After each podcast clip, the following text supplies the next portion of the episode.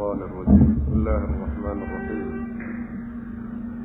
الحمد لله رب العالمين والعاقبة للمتقين ولا عدوان إلا على الظالمين صلى اللهم وسلم على نبينا محمد وعلى آله وصحبه أجمعين ما بعد فيقول سبحانه وتعالى فإن طلقها فلا تحل له من بعد حتى تنكح زوجا غيره فإن طلقها فلا جناح عليهما أن يتراجعا إن ظن أن يقيما حدود الله وتلك حدود الله يبينها لقوم يعلمون سورة البقرة يا فصول احترني درسك عاونا وفوكب الله ونيا آيات لما بقول إلى الصدنات سورة البقرة كمل waxaan si gooniya ugu soo dhex jirnay qaybta ka warramaysay ama ka hadlaysay qoyska iyo arrimihiisa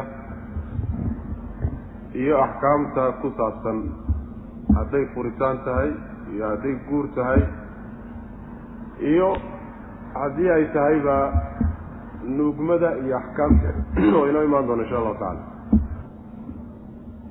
waxaa inoo dambeysay marka aayaddii ilaahay subxaana wa tacaala uu ku taqriirinayay inuu inuu talaaqu laba goor yahay. Middii saddexaadna la yidhi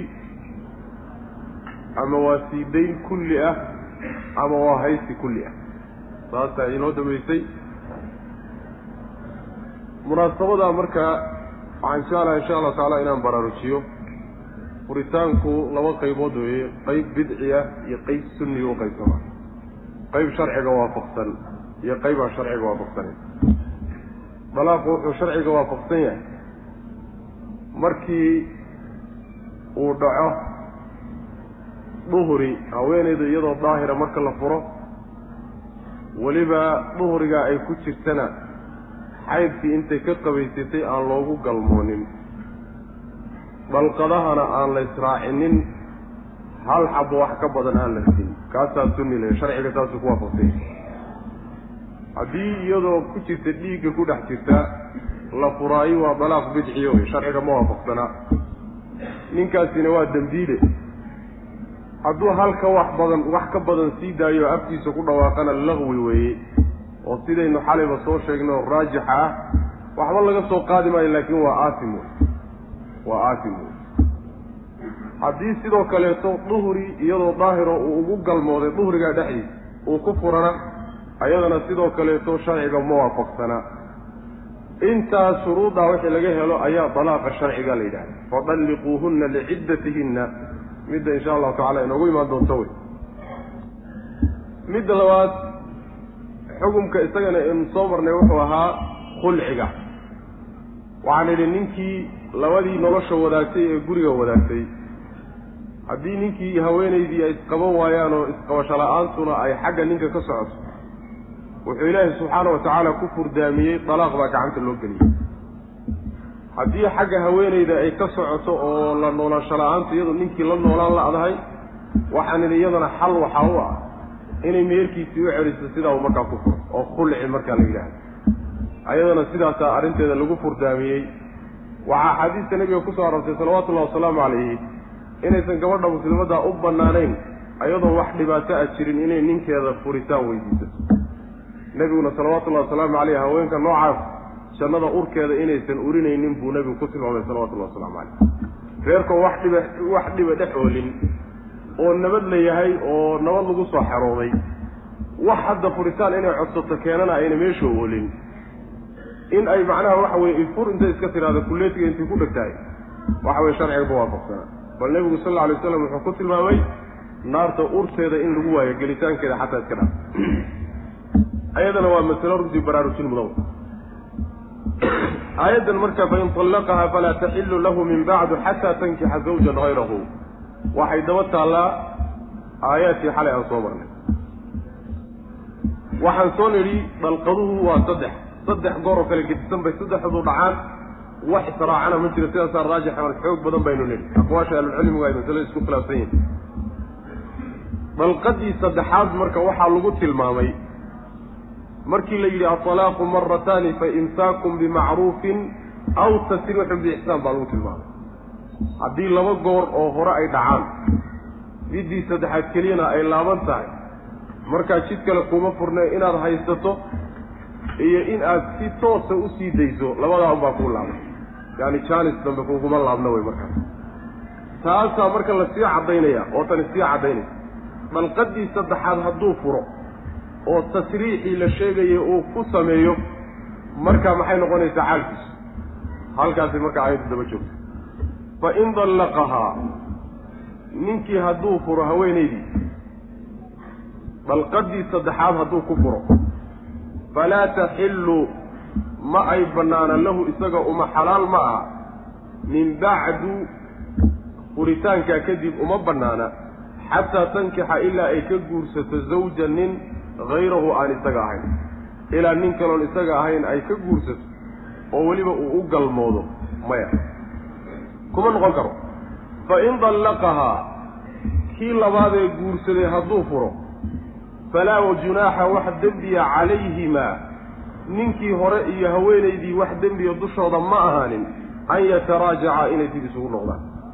Ninkii saddexaad ninkii macnaha waxa weeyaan dambe hadduu furo waa goormo goortaan dembi dushooda ahayn hadday isku laabtaan in dannaa hadday maleeyaan weya oo malahooda uu u bato an yuqiimaa inay toosinayaan xuduud allah ilaahay sharcigiisa iyo seerayaashiisa iyo xuduuddaa inay iyo xuquuqdooda inay isu gudayaan taa haddii malahooda u bato wey wa tilka midaasi xuduudullahi ilaahay xuduuddiisii weeye yubayinuhaa wuu caddaynay alle liqowmin dad buu u caddaynaya yaclamuuna oo wax garanaya wax fahmayu rabbi u caddaynaya subxana wa tacala macnaha dalqadii saddexaad ee aw tasriixun biixsaanin la yidhi haddii uu haweenaydii ku dhufto oo saddex dalqadood oo kala joog jooga oo rajciya ay u dhaxaysaaye haddii uu ku sameeyo markaasi dib dambe uguma ay bannaana inuu u guursado ilaa inuu nin u dhexeeyo mooyaane.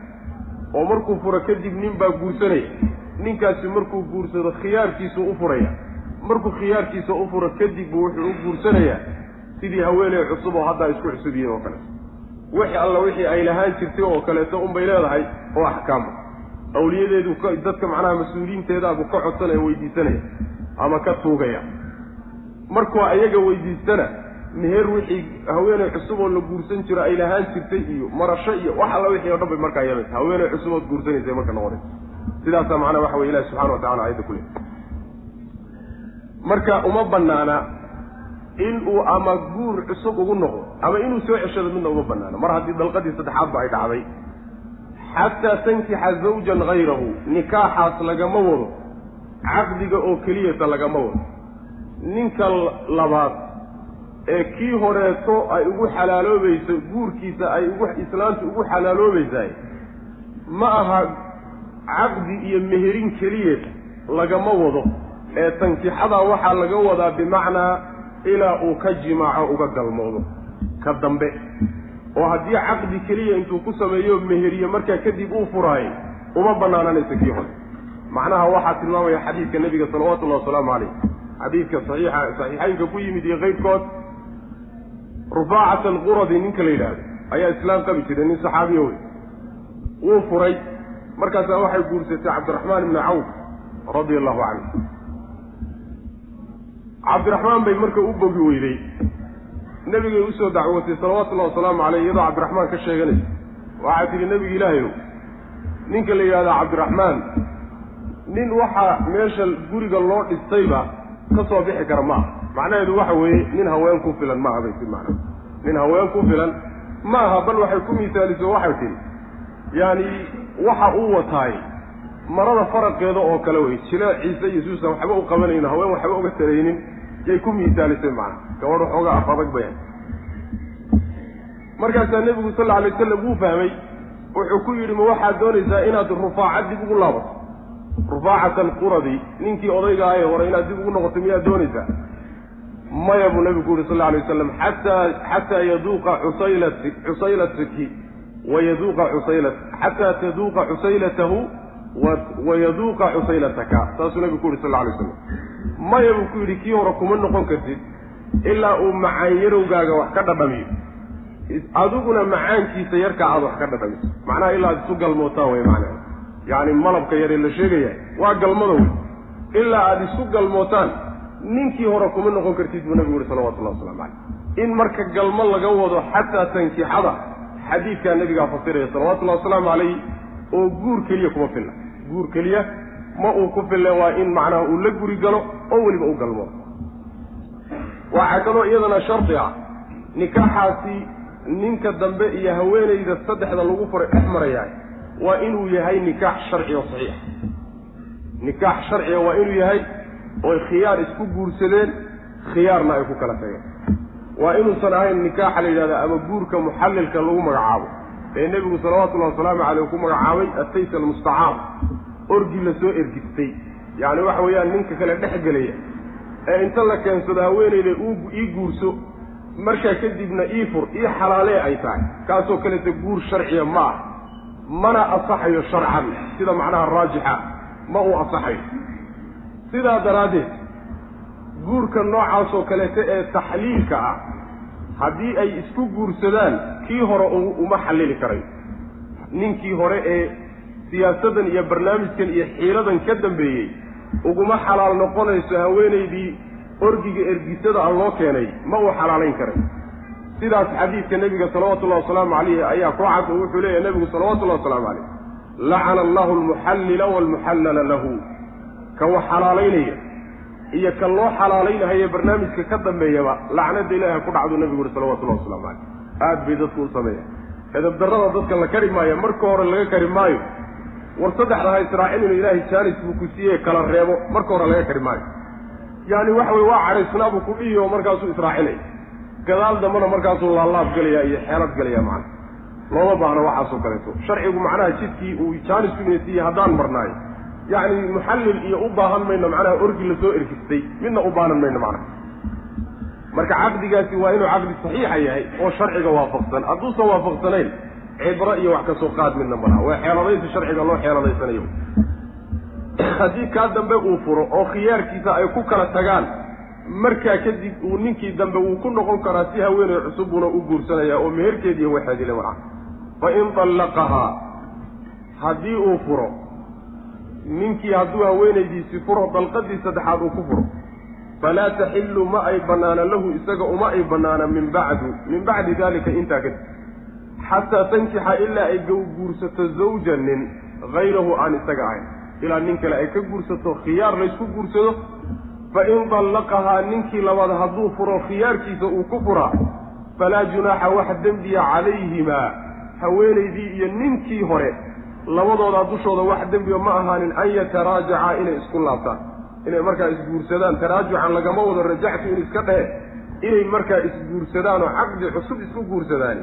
Wax dembiya looma hayso in danna hadday u maleeyaan waya an yuqiimaa inay hagaajinayaan oo toosinayaan xuduud allah ilaahay seerooyinkii. Yacni sharcigii shalayta ay ku tunteen. Inay hagaajinayaan oo xuquuqdooda ay isu ilaalinayaan oo wada noolaansho ay suurtagal tahay. Sidaa hadduu malahoodu u bato inay markaasi dib ay noloshii u wadaagaan oo isugu noqdaan oo isu guursadaani dembi dushooda kama saarnaa wa tilka midaasi xuduudullah. Ilaahay xuduuddiisii weeye yubayinuhaa alla wuu caddayn. Liqowmin dad buu u caddaynaya yaclamuuna oo arrinkaa og buu rabbilahi subxaana wa tacaala garanaya oo wax ku qaadanaya garashadooda. Waidaa dallaqtum nnisaaa fabalagna ajalahunna faamsikuuhunna bimacruuf. Halkana waxaa laga gudagelayaa caado iyadana jaahiliya oon soo tilmaanay xalayto aayaadkii qaar ka mid aan ku soo tilmaanay ayaa iyadana meesha lagu duminaya. Waxyaalihii xaqdarrada ahaa iyo nidaamyadii jaahiliga ahaa ee haweenka lagula dhaqmi jiray ayaa waxaa ka mid ahaa ninka maadaama dalqadda iyo furitaanku gacantiisa ay ku jirto inuu ku cadaadiyo oo u adeegsado dalqadantadaasaba wuxuu haweenayda ku gumaysto taasay samayn jireenoo markaasaa waxay samaynayaan haweenayday furayaan. Markay ciddadeeda ku dhowaatay inay ka baxday haddana soo celinayaan. Uma soo ceshanayaan inay haweenaystaan oo macnaha waxa weeyaan ay reer ka dhigtaane oo ay dhaqdaane laakiin waxay u soo ceshanayaan inay dhibaan macnaha. Haddana way sii daynayaan markay ku dhawaatay haddana dib u soo celinayaan. Intaa dhibkeeda unbay ka shaqaynayaan kamana dhammaanayso oo waa inagii soo sheegnay jaahiliyadii dalqaduhu ma dhammaan jirin.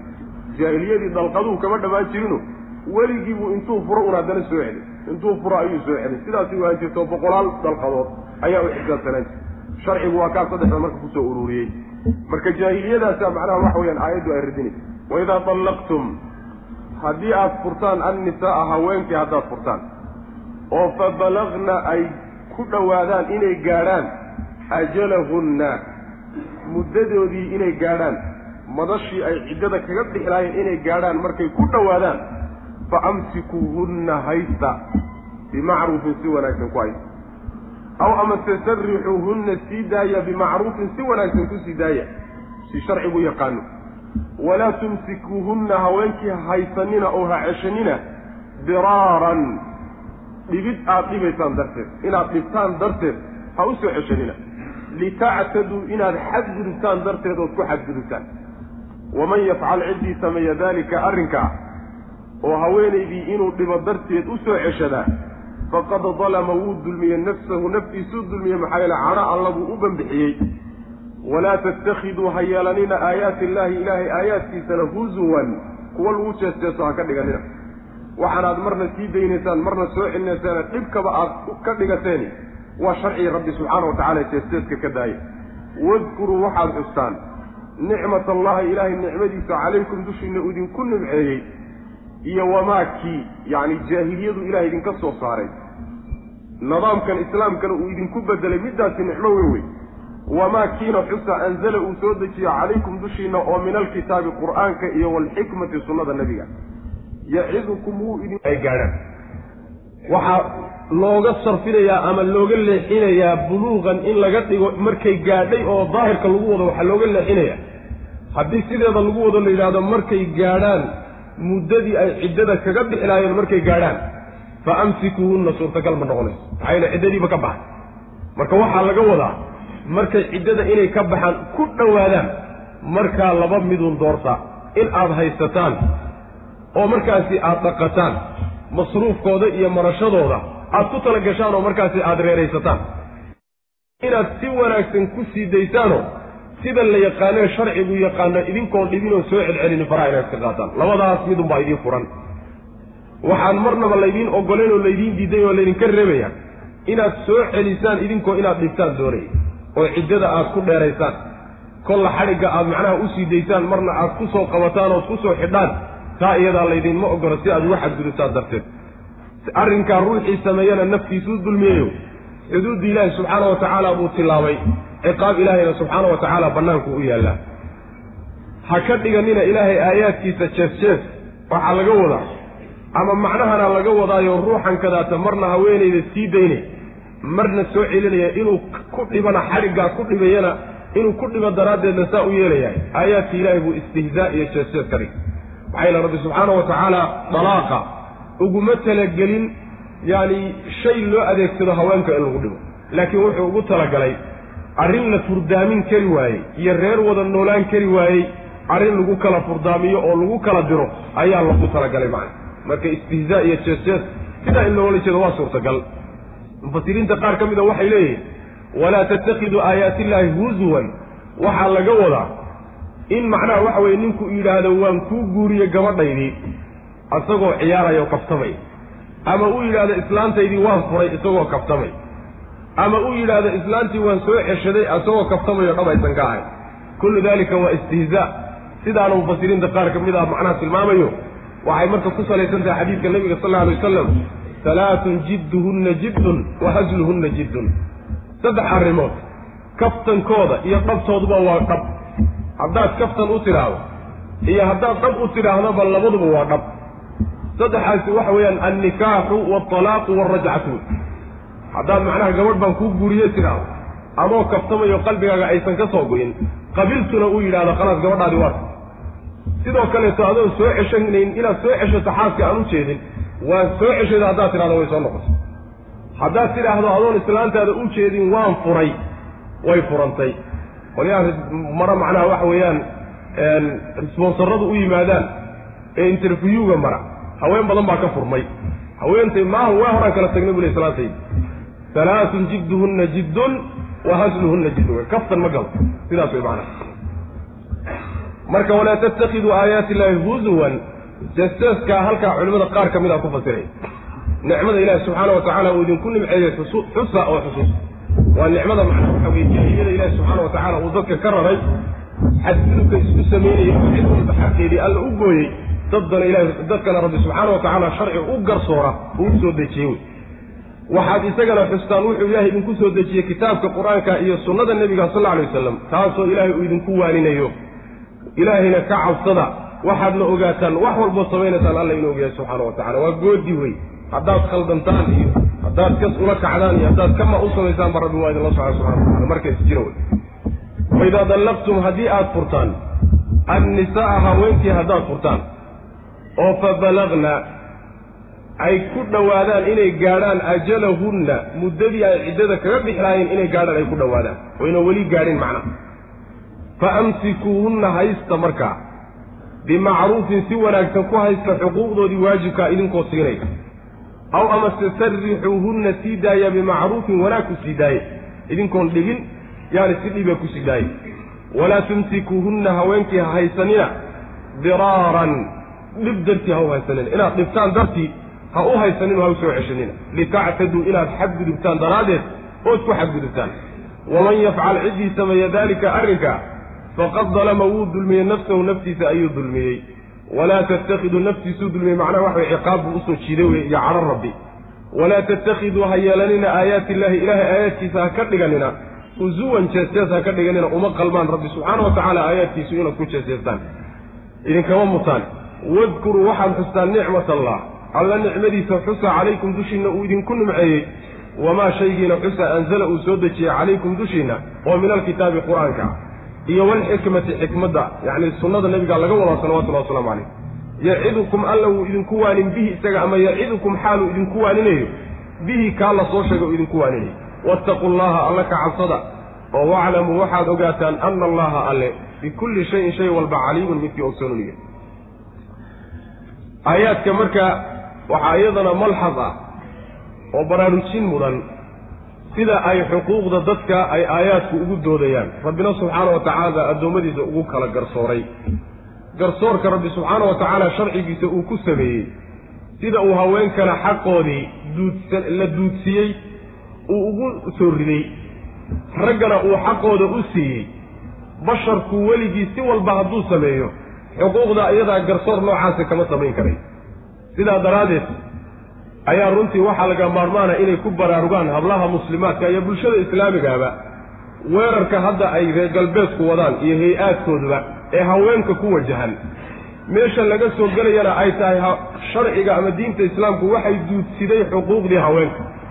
Haddii jaahiliyadii carbeed iyo jaahiliyadii yuhuudda iyo nasaarada iyo bulshooyinkii kale meeshay haweentu taallay ee islaamku uu ka soo qaaday iyo meeshuu keenay haddaad isgarab dhigtaan xaqiiqa cad waxaa idiin soo baxaysa iyo jaahiliyadan maanta joogtaba meeshay geysay waxaa idiin soo baxaysa rabbi subxaana wa tacaala sharcigiisa inaan dadka loo dhaamin. Haddii meel walba la aado sharciga rabbi subxaana wa tacaala iyo garsoorkiisa rag iyo haween wax u dhaaba ma uu jiro macna marka arrinkaa isaga waa in lagu baraarugo weye oo haweenka khaasatan muslimaadka inay ku baraarugaan. Wey waa dugaag doonaya inuu meel bannaan intuu ka helo runtii waxa weeyaan inuu cuno doonayo wey. Laakiin wax maslaxatooda kama aytalinaya he waxaa loo samaynayaa mu'asasaad jamciyaad nasawiya oo haween baa loo samaynayaa shirar iyo mu'tamaraad baa loo samaynayaa. Kullu daalikana hadafkiiyo haayada laga leeya waxa weeye gabadha muslimadda in la dareensiiyey inay guriga ku yasanta oo mas'uuliyaddii ninka la siiyey oo intaasoo xuquuqa la dhaafiyey oo rabbigeed uu dulmiyey oo diinta islaamku ay dulmiday maxaa badiil a marka intaa marka laga dhaadhiciyo? Dimuqraatiyo gaalnimo u kaale wey marka. Kaale gaalnimo u kaalayo islaamnimadaada ka soo bax aad baynu ugu dhagan nugul yihiin haweenka maanta joogaayo arrinkaas jahliga haya darti waidaa طallaqtum الnisaءa fabalagna ajalahuna falaa tacduluuhuna an yankixna azwaajahuna ida taraadaw baynahum bilmacruuf waidaa طallaqtum haddii aad furtaan raggiyow annisaaa haweenkii haddaad furtaan oo fabalagna ay gaadhaan ajalahunna muddadii ay ciddada kaga bixi lahayn ay gaadhaan muddadoodii ay gaadhaan falaa tacduluuhunna ha diidinoo ha meermeerinina an yankixna inay guursadaan ha u diidina aswaajahunna raggooda inay guursadaan. Idaa taraadow hadday isku raalli noqdaan baynahum dhexdooda hadday macnaha waxa weye raalli isku yihiin oo iyagu israbaan bilmacruufi wanaag hadday raalli isugu yihiin oo wanaag isku doonayaan. Daalika arrinkaa yuucadu waxaa lagu waanin bihi isaga man kaana ciddii ahaaday oo minkum idinka idinka mida yu'minu mid rumaynaya billaahi ilaahi iyo walyawmi alaakhiri maalinta aakharo ruuxii mu'mina oo wax qaadanaya yaan waanadaa loo jeedin. Daalikum kiinaasa askaa lakum idin dahaar idin macnaha wanaag badan idin ammaan badan oo wa atharu idin nadaafad badan wallaahu alla yaclamu wuu og yahay masaalixda iyo manaaficdiinu og yahay. Wa antum idinkuna laa taclamuuna waxaad garanaysaan baa jira. Aayaddani waxay ku soo degtay sida saxiixu bukhaari ku timid macqa ibnu yasaar saxaabiga la yidhahdo ayaa wuxuu leeyahay gabadhaan walaalanahay baa waxaan u guuriyey buu ihi wiil ay ilmaadeer yihiin. Wiilkii iyo gabadhii arrin baa dhex martay keentay inuu furo. Wuu furay. Wuu iska daayey faruhu ka qaaday markay ciddadii ka baxday kadib ayuu intuu u yihiin macqil ibnu yasaar oo walaalkeed ahaabuu wuxuu ku yidhi gabadhii baan mar labaad rabaa. Markaasaa macqil wuxuu ku yidhi nacaskiyow ma intaan kuu guuriyey oon kugu wanaajiyey oon kuu dhisay yaad furtay markaasaad doonaysaa haddana mar labaad inaan kuu guuriyo ilahay baan ku dhaartay inaysan dhacaynin bul midaas kac mid kale ka raadsa buu ku yidhi. Sidii buu marka ku diray aayaddana marka soo degtay labadooduna waa isdoonayeen gabadhuna waa rabtay inay ninkii ku noqoto. Wiilkuna waa rabay gabadha inuu guursado laakiin macqil baa dhex galo weligeeda ah. Sidaa daraaddeed bay marka aayaddu ku soo degtay sabab nusuulkeedu midkaa isaga macqil iyo marka raggale ee noocaasoo kale abaa marka aayadda lagula hadlo waxaa la yidhi haweenkii haddaad furtaan oo ay gaadhaan muddadoodii hadday raggoodii furaan oo muddadoodii gaadhaan raggii gabdhaha mas'uuliyaddooda iyo wilaayadooda hayeyow raggoodii shalay ay isfureen mar labaad inay isguursadaan ha u diidina. Hadday iyagu isdoonhayaan oo raalli isugu yihiin. Maxaa idin dhex idinku isu guuriya. Saasuu macnaha ilaahi subxaana wa tacala u leeyay ha isu diidine isu guuriyaa lagu leeyahay. Arrinkaasi waanadaasi waxaa lagu waaninayaa dadkii iimaan leh. Ilaahay iyo maalinta aakhira ruuxii rumeeyo diinta qaadanay oo ilaahay waanadiisa inuu qaato diyaaru aba arrinkaa lagu waaninaya sidaasaana idiin wanaag badan oo idiin dahaaro iyo nadaad nadiifad badan oo ammaantu ay ku jirtaa iyo wanaaggu ilaahay baa masaalixda iyo manaaficdiin iyo wixii wanaag ku jira garan iyo faa'iido. Idinku laakiin waxaad garanaysaan baabakir waxaa ma garanaysaan macna. Marka ilaahi subxaana wa tacaala sharcigiisa uga dambeeya wixii macnaha wanaaga uga dambeeya idinku caqligiinna iyo sidaad idinku doonaysaan ha ka yeelina saasaa ilahi subxaana wa tacala uu ku yidhi. Aayaddu marka waxay ka mid tahay aayaadka ugu cadcad ee kutusaya wilaayada kutusaya macnaha waxa weeyaan haweenaydu inaysan isguurin karayn haweenaydu inaysan isguurin karaynin adilada ugu cadcad ee kutusaya iy macnaha waxa weeyaan daliilkaas waxaa muujinaya axaadiis fara badan oo nabiga salawatullahi wasalaamu caleyh ka suganna way kutusaysaa. Maxaa yeelay waxa uu ilaahi subxaana wa tacaala yidhi falaa tacduluuhunna an yankixna aswaajahunna sidaasuu ku yidhi. Macnaheedu waxa weeyaan haddii uusan ninka la yidhahdo macqil ibnu yasaar macqil ibnu yasaar haddii uusan gabadha uusan wilaaye ku lahayn oo isagoo la'aantiiba ay isguurin karayso falaa tacduluuhunna meeshaba ma timaadeen. falaa tacduluuhunna meesha maba timaadeenba falaa tacduluuhunna waxay ku timid markii ay macnaha waxa weeyaan ninka uu mas'uulku wilaaye uu ku leeyahay. Gabadha guurinteeda wilaaye ku leeyahy oysan isguurin karin. Sidaa daraaddeed buu imaamu shaafici wuxuu leeyahay waa aayadda ugu sariixsan oo kutusaysa qur'aanka ku jirta oo wilaayada gabadhu inaysan isguurin karaynin inuu nin guuriyo mooyaane kutusaysa wayaan bule imaamu shaafici raximah llahu tacala sidaana axaadiista nebiga salawatullahi wasalaamu calayhi baa ku cad sida xadiidka nebiga salawatullahi wasalaamu calayhi uu leeyahay ayuma imra'atin nakaxat bigayri idni waliyiha fanikaaxuhaa baailun fanikaaxuhaa baatilun fanikaaxuhaa baatil haweenaydii weligeeda iyadoon idan ka haysanin guursatahay nikaaxeeda waxba kama jira buu nabigu uhi salawatullahi wasalaamu calayh baatil wey ma ujeeda marka weligu wuxuu ka mid yahay shuruuda nikaaxa ayuu ka mid yahay. Mas'aladaana waa mas'alo macnaha waxa weeye adiladeedu aad ay u xoog badan tahay sidaa daraaddeed gabadha weli la'aan lama guursan karo. Masaafo iyo la cararid iyo meelgeyn iyo kulligeed waa xeelado loo samaysanaya sharciga ilaahi subxaana wa tacala sidii loo dumin lahay. Waxaba yaraatee nikaaxoo ku asaxayana ma ajir fuqahada xataa waxa weeyaan mas'aladaa sawiraaya waxay kaga hadlaan yacni markii weligu uu maqan yahay oo meesha uu ka maqan yahay bay kutubta qortaa laakiin idaa guyiba gabadhiiba inta lala cararo oo weligii lagala cararo oo meel cidlaa lala tagoo la soo mehersado warkaasi war jira ma ah laakiin haddii aad meelo luuqluuqa raadisaan qiila waa laga heli haddaad khaasatan yani waxay ku mahmaahi jireen waadada fuqahada waxay yidhahdaan qiil haddaad u baahato saddex kitaab baa laga raadiyaa. Baajuuriga xaashiyatulbaajuuri iyo bulgaha iyo mid kale saddexaasaa laga raadiya wax walba oo baatil iyo asaatiira iyo abeesooyin baa dhex yaal wax kasta oo la yidhi oo dhan ayaa dhex yaal ma arkaysa wax diinana ma aha. Diini waa wixii kitaabka ilaahay ku yaalla sunnada nebigana ku yaalla salawatullahi wasalaamu caleyh iyo wixii iyaga ka farcamo oo daliil loo hayo oo salka ku hayo. Laakiin qiila wadaad iska yidhi diinta ilahay in loogu turunto sidaa u cadcadi war maaha waxaas waxaas waxa weye xeeladaysigii reer bani israa'iil lacnadu ay ugu dhacday.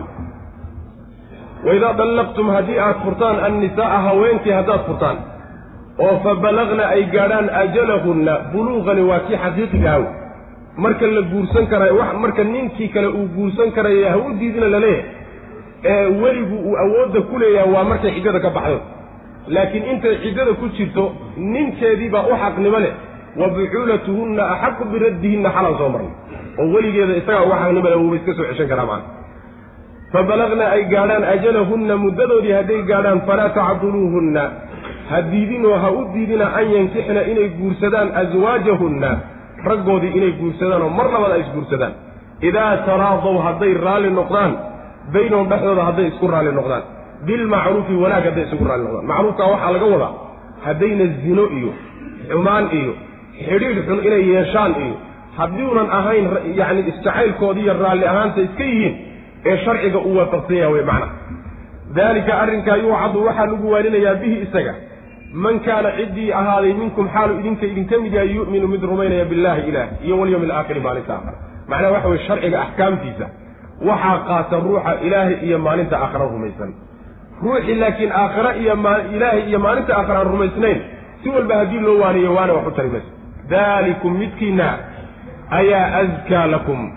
Idiin wanaag badan oo idiin ammaan badan oo wa atharu idiin nadaafad badan wallaahu alla yaclamu wuu og yahay yacni xaqaa'iqu lumuur buu og yahay wa antum idinkuna laa taclamuuna waxa ma ogidin. Yacni waxay waxay la mid tahay.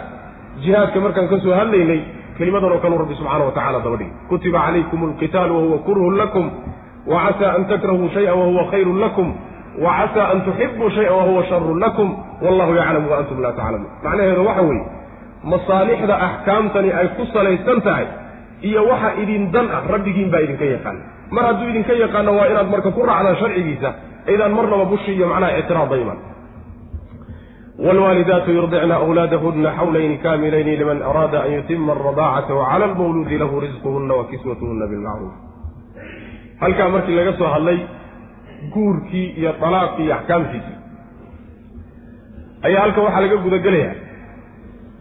Xugum isaguna dalaaqa ka dhashay oo muxuu yahay waxaa laga yaabaa labada ruux haddii ay kala tagaan oo isfuraan meeshii inuu ilmo yimaado oo ilmo u dhexeeyo ilmihiibaa hadda xanaanadiisii iyo warkiisii iyo axkaamtiisii iyo meeshii la marin lahaa ayaa markaa aayaadkani ka hadlaya. Waalwaalidaatu haweenka wax dhalay yurdicna way nuujinayaan awlaadahunna carruurtooda way nuujin. Xawlayni laba sano ayay nuujinayaan kaamilayni oo dhammaystiran daalika arrinkaasi xukumkaa labada saniihi nuujinta laba sani labada saniihi liman cid buu u sugnaaday oo iska leh araada doonaya an yutima inuu dhammaystiro alradaacata nuugmada. Ruuxii nuugmada meeshii ugu dambaysay inuu gaadhsiiyo doonaya ruuxaasaa xukumkaa iska leh. Ee nin walba ma ah wa cala almawluudi lahu ka loo dhalay waxaa dusha ka saaran ka ilmahaa loo dhalay waxaa laga doonayaa oo waajib ku ah risquhunna haweenkaa masruufkooda iyo wa kiswatuhunna marashadooda bilmacruufi wanaag uu ku masruufo ku marasheeyo. Laa tukallafu lama kallifayo lama mashaqaynayo. Nafsu naf lama mashaqaynayo ilaa wuscaha awooddeeda mooyaane. Intay awooddo mooye wax kale dusha laga saari maayo. Laa tudaara la dhibi maayo. Ama yaan la dhibin waalidatun mid wax dhashay biwaladihaa ilmaheeda yaan lagu dhibin. Walaa mawluudun mid wax dhalayn walaa mawluudun lahu mid loo dhalayna. Yaan la dhibin isagana biwaladihi ilmihiisa yaan lagu dhibin. Kii wax loo dhalay ee aabbaha ahaana ilmihiisa dartii yaan dhib lagu soo gaarsiin. Wa cala alwaarisi kii dhexlayay dushiisa waxa ah mithlu daalika kaasoo kale. Aabbaha wixii laga rabay ayaa ka dhaxal kalena isagana laga doonaya oo dusha ka saara. Fa in araadaa hadday doonaan aabbihii iyo hooyadii fisaalan goyn hadday doonaan ilmihii ay naaska ka gooyaan goyntaasoo ka soo fushay can taraadin raalli ahaan oo minhumaa xaggooda ka ahaaday ayagoo isla ogol oo raalli ka wada ah iyo wa tashaawurin tashi xaggiisa ka soo fushay arrin ay ku tashadeen raallina ku wada yihiin. Haddii ay ilmaha inay ku gooyaan oo naaskii kaga gooyaan ay ku go'aansadaanna falaa junaaxa wax dembiya calayhimaa dushooda ma ahan. Waxba looma haysto. Muddadii oo on gaadhin bay naaska ka goyn karaan macnaha wa in aradtum haddaad doontaan an tastardicuu inaad u nuugma dalabtaan awlaadakum carruurtiinna oo haween kaloon hooyooyinkood ahayn aada nuujisaanna falaa junaaxa wax dembiya calaykum dushiinna ma ahaanin waa idiin bannaanta idaa sallamtum haddii aad siisaan maa aataytum waxaad siin rabteen haddaad siisaan bilmacruufi wanaag aad ku siisaan haweenka waxaad siin rabteen oad ugu tala gasheen carruurta idiin nuujinaya waxaad ugu tala gasheen markaad siisaan inay markaa idiin nuujiyaan dhib ma laha. Wattaqu llaha alla ka cabsada. Oo waclamuu waxaad ogaataan ana allaha alla bimaa tacmaluuna waxaad samaynaysaan basiirun midkii arkayn wey waxa uu xukumkani khaas ku yahay bay culimmada qaar leeyihiin mufasiriinta ah mudallaqaadka haweenka la furay ayuu khaas ku yahay. Oo axkaamtan waxaa iskale haweeneyda la furay ilmahana lagaga tegey ilmaha lagu furay middaasaa axkaamtan iskale laakiin haweeneyda aan la furin ee ninkeedii ay wada joogaane ilmaheedii nuujinaysaay taasi ma aha qola odhanaysa qolana waxay leeyiin labaduba waa soo gudagelaya. Wuxuu rabbi leeyahy subxaana wa tacaala nuugmada waalidiinta haweenka ah ee wax dhalay waxaa la doonayaa ilmahooda inay nuujiyaan laba sanoo kaamil. Sidaasi waa nuugmada hala dhammaystira haddii la yidhaahdo ruuxii doonaya inuu nuugmada dhammaystiro laba sano ilmaha in la nuujiyaay waa nuugmada ugu sarraysa ugu fiican wey arrinkaana waajib ma ahe ninkii doonaya inuu nuugmada dhammaystiro unbay u taallaa macna daalika liman araada an yutima aradaacata macnaheedu waxa weeye yacni inaysan waajib ahayn bay tilmaamaysa in laba sano lagu simaayo inaysan waajib ahayn. Macnaha iyadoo muddo ka gaaban ama ka yar ayaa naaska ilmaha lagaga goyn karaa macnaha sida gadaalba macnaha laga tilmaamay mar haddii marka haweenaydii la furay ay ilmihii nuujinayso waxaa laga doonayaa ninkaa ilmaha loo nuujinayo inuu bixiyo masruufkeeda iyo marashadeeda inuu bixiyaa laga doonaya.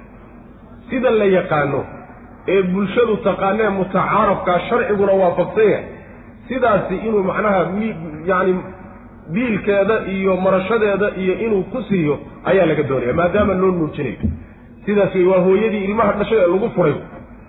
Tabartiisa kolba intii abayna noqonaysaa iyo qadarkuu awoodi karo dhaqaalihiisa ku jaan go-an. Kolba macnaha inta laga doonaya cala almuusici qadaruhu wa almuqtiri qadaruhu ayaa inoomaa macnaha waxa weeyaan awooddiisu kolba intay dhan ninka milyaneerkae xoolaha badanna xoolihiisaa wax ku jaan go-an oo macnaha qadar ka gu'i kara ayaa loo goyn gabadhi. Oo guri noocaasa iyo bil noocaasi wax saasaa la siin iyo dhar noocaasaa loo yimi ka faqiirkae miskiinkaana isagana tabartiisa kolba indhan ayaa macnaha isagana wax laga goynaya macnaha oo la siinaya sidaasaa laga doonaya kadib buu alla subxaana wa tacaala wuxuu dardaarmay. Waalidada ilmaha dhashay. Ilmaheeda yaan lagu dhibin buu rabbi yidhi subxaana wa tacaala. Oo dhibitaankaasi wuxuu noqon karaa masalan ayadoo ilmaheedii haysato oo tarbiyaysanayso oo ka soo baxaysa wixii xuquuqdiisa ahayd in laga qaato ma banaana sharcan hooyada iyo aabbaha. Ilmaha ah hooyada ayaa u xaqnimo leh haddaysan kaa lahayn iyadaa u xaqnimo leh waa inay iyadu barbaariso. Waana in iyada lagu masruufo wey. Sidaa xadiidka nebiga sal lla lay slam bay ku sugan tahay xadaanada inay hooyadu leedahay. Intaysan iyadu meesha ka bixin sidaas weeyaan. Yacani qaar waxay leeyihiin culimmada ka mida intay ka guursanaysay leeyihiin qaarna waxay leeyihiin maye ilmuhu intuu macnaha caqli ka yeelanayo ka weynaana iskaga filaanayo qolaba xad bay u samaynayaan macna laakiin in iyada lagu masruufo iyada loo daayahay inay mudan tahay macnaha waxa weye taasna islama diidanaa marka dhibku wuxuu ka imaan karaa hooyada in ilmaheeda lagu dhibo in masalan laga qaato. Waa dhib. Taa ayaan la yeelin buu leey rabbi subxaana wa tacaala. Waxaa masalan ay noqon karaysaa in loo diido wixii ay ilmaha ku nuujin lahayd oo yacni masruuf iyo marasho ay lahayd in loo diido oo laga hor istaago ayadana macnaha waxa weeyaan mudaaraday soo gelaysa waxaa soo gelaysa in loo ogolaado laakiin lagu cunaqabateeyo oo lagu cidhiidhiyo nafta loogu keeno. Taasina iyadana waa soo gelaysa. Marka hooyadayaan ilmaheeda dartii yaan lagu dhihin buu rabbi ilahi subxana wa tacala hooyadiina iyadana dardaaran baa laysiiyo waxaa la yidhi aabbaha ilmaha dhalay ilmihii ha ku dhibin. Aabbihiina ilmihiisi yaan lagu dhibin oo isagana waxay noqon kartaa. In la yidhaahdo ama intaas oo xoolaa isii ama haddii kale igamana qaadan karaysid waana inaad igu biisho sidaa in la yidhahdo wey masala ama tarbiyadiisii iyo ilmaha xuquuqdu lahaa hooyadu ka soo bixi weydo sidaasoo kale oo ilmihii loo isticmaalo kaad ninka macnaha waxa weeya wax lagaga raadsado oo xuquuq dheeraada lagaga doono taasaa mudaarada aabbaha lagu dhibana macnaha ay noqonayso. Marka labadaa midna waan layaan la yeelini si wanaagsan oo ilmaha u dan ah oo labada ruuxna macnaha qalbisami iyo wanaag iyo isqadarini ay ku jirtaay ilmaha ka dhexeeyaayo macnaha waxa weeyaan ha loo wada tarbiyaysto saasaa macnaha meesha ku jirta kadib arrinkaa laga doonayo aabbaha. Aabbaha dusha waxaa ka saaran oo ilmaha yacni hooyadaa wax nuujinaysa biilkeeda iyo cuntadeeda iyo dharkeeda ah. Waxaa laga doonayaa haddii aabbuhu uu dhinto kii dhaxalka lahaa. Wa cala alwaarisi mitlu daalika. Sidaasi waa tafsiir. Oo macnaha waxay noqonaysaa waariskaasi ama waa kii aabbaha dhexlayay oo aabbaha kii dhaxalkiisa lahaa buu ku wareegayaa mas'uuliyadda ilmuhu ay ku wareegaysaa aabbihi hadduu dhinto ama ma ahe ilmaha dhaxalkiisa ruuxii lahaa ee dhaxli lahaa buu mas'uuliyadda ilmuhu ku wareegayaa oo waxaas laga doonayaa inuu siiyo hooyada nuujinaysa waa haddii uusan ilmuhu xoolo lahayn. Haddii ilmaha xoolo looga tago xoolihiisaa laga bixinaya hooyada yacni waxa weye marashadeeda iyo masruufkeeda laga bixinaya. Sidaasi waa tafsiir wa cala alwaarisi mitlu dalika tafsiir kale ku jiro oy leeyihiin mufasiriinta qaar ka mida waariska dhaxlaya ama ilmaha dhaxlaya ama aabbaha dhaxlaya waxba laguma lehe. Mitlu daalikadan daalikadaasi waxay u noqonaysaa waariskana waxaa laga doonayaa inuu mitlu daalika dhib la'aantaasoo kale laga doonaya oo cadamu lmudaaradi bay daalika u noqonaysa sidii hooyadu aabbahayana dhibin loo yidhi aabbuhuna hooyada yuusan ilmaha ku dhibin loo yidhi yaa isagana waxaa laga doonayaa waariskii dhaxlayay isaguna inuusan hooyada ugu dhibin sidaana macnaha waxa mufasiriinta qaar ka mid a ayaa maray. Haddii marka aabbihii hooyadu isla gartaan ilmihii inay naaska ka gooyaan muddadii labada sanoon dhammaystirmini ayagoo tashaday oo labadooduba raalli ku ah arrinkaasi wax dembiya ka soo gaari maayo. Waa u bannaan tahay macnaha. Yaani laakiin waxaa fiican oo shaki uusan ku jirin ilmaha macnaha in naaska macnaha waxa weye muddada uu noogayo uu nuugayo in loo dheereeyo. Oo kullamaa ilmuhu uu naaska ku daahaba caafimaadkiisa inuu fiican tahay macnaha sidaasi macnaha waxa weeyaan aayadduna waa tilmaantay yurdicna awlaadahunna xawlayni kaamilayni oo sida rajaxan oo fiican inay sidaas adibaduna macnaha waxa weye waa sugaya laakiin waa khiyaar oo waajib ma aha macnaha waxa weeyaan meesha lagu tilmaamay. Waxaa kaleetoo la leeyahay goynta ilmaha naaska laga goynayo muddadoon gaadhin waa inay labada waalidba raalli ku yihiin hadday hooyadu tidhaahdo ilmahayga anigu waa nuujisanayaa ilaa laba sano oo uu ku qancin kari waayo raalli ay ku noqon weyn kuma qasbi karay sidoo kaleeta aabbuhu hadduu yidhaahdo waa inaad nuujiso wax dhibo markaa is hortaagayana waa inaysan jirinna waa inay nuujiso macna. Labadooduba hadday raalli ku yihiin unbaa meesha laga goyn karaa macnaha ilmaha oo naaska laga jari karaya muddadaasoon gaadhin. Wain aradtum an tastardicuu awlaadakum waxaa laga wadaa hooyadii baan joogin ama hooyadii waa joogtaa ama way geeriyootay. Waxaa la doonayaa islaan kale oon dhalin marka inuu naaskeeda nuugo oo ilmihii ay nuujiso sidaa haddaad doontaanna waa idiin bannaantahay wax dembiya dushiinna ma ahaanin. Waa goormo wey haweenkan idiin nuujinaya haddaad ujuuradooda siisaan ilan ujuuray qaataane arrinkaasi wuxuu jiri jiray soomaalida aad buu ugu yaryahay laakiin carabtu aad bay u isticmaali jirtay maxaa yeelay khaasatan waxay ka raadin jireen. Wax la yidhaahdo macnaha waxa weyaan cirqi iyo ilmaha hooyo oo nasabkeed iyo meeshay ka soo jeegto cajiib ay tahay hooyo noocaasoo kale u raadin jireen markaasay nuujin jirtay. Marka nuujinta noocaasoo kaleeta sharcan waa suganta xataa hooyadii oo nuujin kartaan haweeney kale loo dhiibi karaa ay soo nuujin karta. Axkaam fara badan baana ka dhalanaysa oo guurka iyo waxyaala noocaasoo kaleeta ku lug leh insha allahu tacala fii suurati nisa baan ugu tegi doonaa. Marka waa idiin bannaan tahay wax dhibana ma laha. Haweeney kale inaad ilmihii u geysaan hooyadii oo joogta xataa oy soo nuujiso macnaa wax dhiba ma laha. Laakiin waa haddaad ujuuradooda siisaan ama iyaguba ay iska nuujiyaan oo ku raalli noqdaan macnaha taa lafteeda wax dhiba ma laha xaqkooday ka tanaasuleen waalwaalidaatu waalidiintii wax dhalay haweenkii wax dhalay yurdicna way nuujinayaan awlaadahunna carruurtooda xawlayni laba sanay nuujinayaan. Kaamilayni oo dhammaystiran. Kaamilaynkaa waxaa loo raaciyey si aan loo moodin labada sano inay dhadhoweyn tahay. Yacni taqriibi inay tahay inaan loo malaynin oo taxqiiqi inay laba sano oo go-an nuujintooda ayaa macnaha laga doonaya marka yurdicna waa khabar bimacna alamri awaalay sidii aan yatarabasna ku soo marnay oo kale yacni ha nuujiyan oo amar. Khabar baa laga cabiray sidaasaa xoog badan oo macnaha haddii khabar laga cabiro iyadoo amar laga loola jeedo siiqadaasaa xoog badan. Waxaa kaloo qolyada ayday mufasiriinta ka mida mee khabarkeedaa loo dayno yurdicna xugum sharciga laga warramayaayo xugumku waa inay nuujiyaan macnaha sidaana macnaha ayadana waa suurtagal. Yurdicna way nuujinayaan ama ha nuujiyeen awlaadahunna carruurtooda xawlayni laba sano kaamilayni oo dhammaystiran. Daalika arrinkaasi xukumkaa nuujintii liman cid buu u sugnaaday araada doonay an yutima inuu dhammaystiro alradaacata nuugmada. Nuugmada inuu dhammaystiro si dhammaystira ilmihiisa u nuujiya ruuxii rabo wey wa cala almawluudi lahu ka loo dhalay dushiisa waxaa ah wa cala almawluudi ka loo dhalay lahu isaga loo dhalay waxaa dusha ka saaran oo laga rabaa risquhunna yacnii risqigooda iyo waxay cuni lahaayeen. Haweenkaa wax nuujinayahay waxay masruufan lahaayeen. Iyo wa kiswatuhunna waxay marashaysan lahaayeen iyo dharkay xidhan lahaayeen. Bilmacruufi sida la yaqaano ee caadada macruufkaasi waxay xadidaysaa oo ay u noqonaysaa qadarkii masruufka iyo marashada la siin lahaa. Waa macruuf curfigaa loo celinaya. Curfiga waxaa la yidhahdaa caadada bulshada ee haddana sharciga waafaqsan. Caadada bulshada ilan waxyaalahan oo kale inta badan waxaa loo celiya caadadaa loo celiya waxaa laga yaabaa maalintii cahdigii nebiga salawatullahi wasalaamu calayh in laga yaababa masruufkiiyo marashadu inuu macnaha wax yar oo ah kooban ahaa. Maantana macnaha waxa wey intaasoo gor inuu islabalaabay berrita inuu ka yaraadaa laga yaabaa nolosha kolba tadhawuraysa iskagediyeysa wey iyo kolba qaalinimada ku imaanaysa wey marka waxaa loo celinayaa bulshada iyo curfigeeda sida laysla yaqaanay haddana sharciga aan khilaafsanayn middaa iyadaaba macnaha loola noqonaya bilmacruufi sidaas si wanaagsan oo sida la yaqaana. Waana meesha macnaha laga qaato qaacidada la yidhaahdo alcaadatu muxakamatun man lam tukhaalif sharca. Caadada macnaha waa loo noqon haddii ayna sharciga khilaafin.